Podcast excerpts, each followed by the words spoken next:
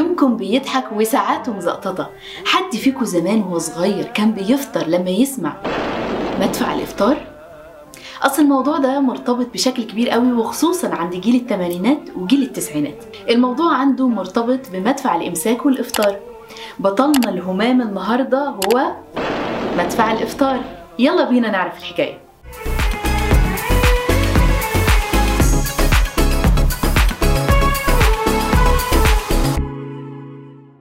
بصوا يا جماعة والعهد عراوي كان في زمان سلطان مملوكي اسمه خشقدم.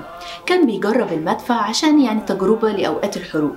صدف إن تجريب المدفع كان أول يوم رمضان وقت الغروب كانت سنة 1467 فلما جرب المدفع الناس فكرت إن هو عمل كده احتفالا بيهم بشهر رمضان وقدوم شهر رمضان فالناس فرحت قوي وطلعت وتجمهرت عند مقر الحكم عشان يشكروا السلطان على اللقطة الحلوة دي.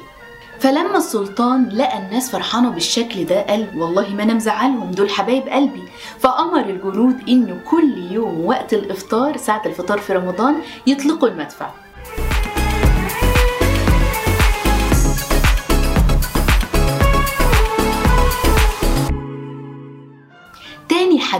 بتقول في عصر خديوي إسماعيل كان في بعض الجنود بيجربوا مدفع وطلعت منه قذيفة بالغلط. دوت أرجاء القاهرة وصوتها كان عالي جدا جدا. وعلى حظنا كانت وقت الفطار وقت المغرب أول يوم رمضان. الناس فرحت وفكرت إن الخديوي إسماعيل قام بإعادة إحياء التقاليد القديمة بإطلاق مدفع الإفطار في وقت وشهر رمضان. وعينك ما تشوف إلا النور. الناس بدأت تحكي وتتحاكى وده يقول لده وده يقول لده لغاية لما الكلام والأخبار الحلوة وصلت لمين؟ للحاجة فاطمة بنت الخديوي إسماعيل.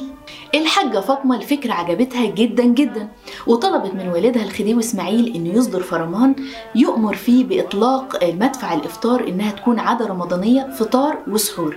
ومن وقتها تسمى بمدفع الحاجة فاطمة وده نظرا لغلاوتها الشديدة عند والدها الخديوي إسماعيل.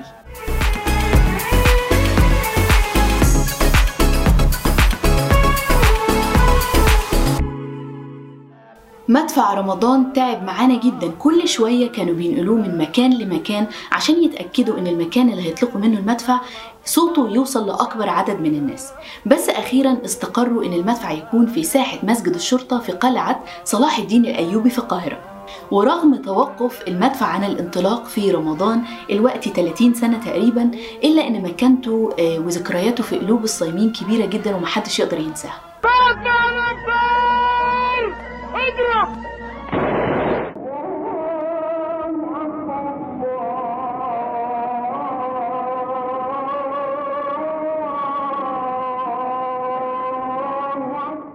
في النهاية نقدر نقول إن رب صدفة خير من ألف معاد.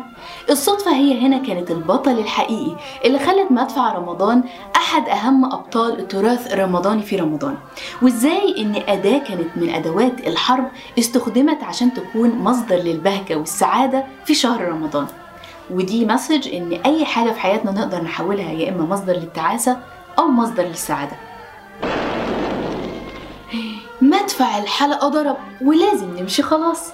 يا ريت ما تنسوش تتابعوني على مواقع التواصل الاجتماعي بتاعتي ريم صبري First وعشان الموروث الرمضاني والمعلومات دي توصل لأكبر عدد من الناس يا ريت تتكرموا ب like و share وما تنسوش تتابعوني مع بطل جديد من أبطال المسرح الرمضاني وحلقة جديدة في رمضان. سعادتي. ليكم مني كل الحب. ريم صبري. برنامج رمضان سعادتي برعاية شركة Empower أول شركة وتطبيق للصحة العقلية والنفسية للشباب في الشرق الأوسط. ولو عايزين تستمتعوا بحلقات برنامج رمضان سعادتي بالصوت تقدروا تسمعوا الحلقات الصوتية على أنغامي Spotify Apple Podcasts Google Podcasts SoundCloud Amazon Podcasts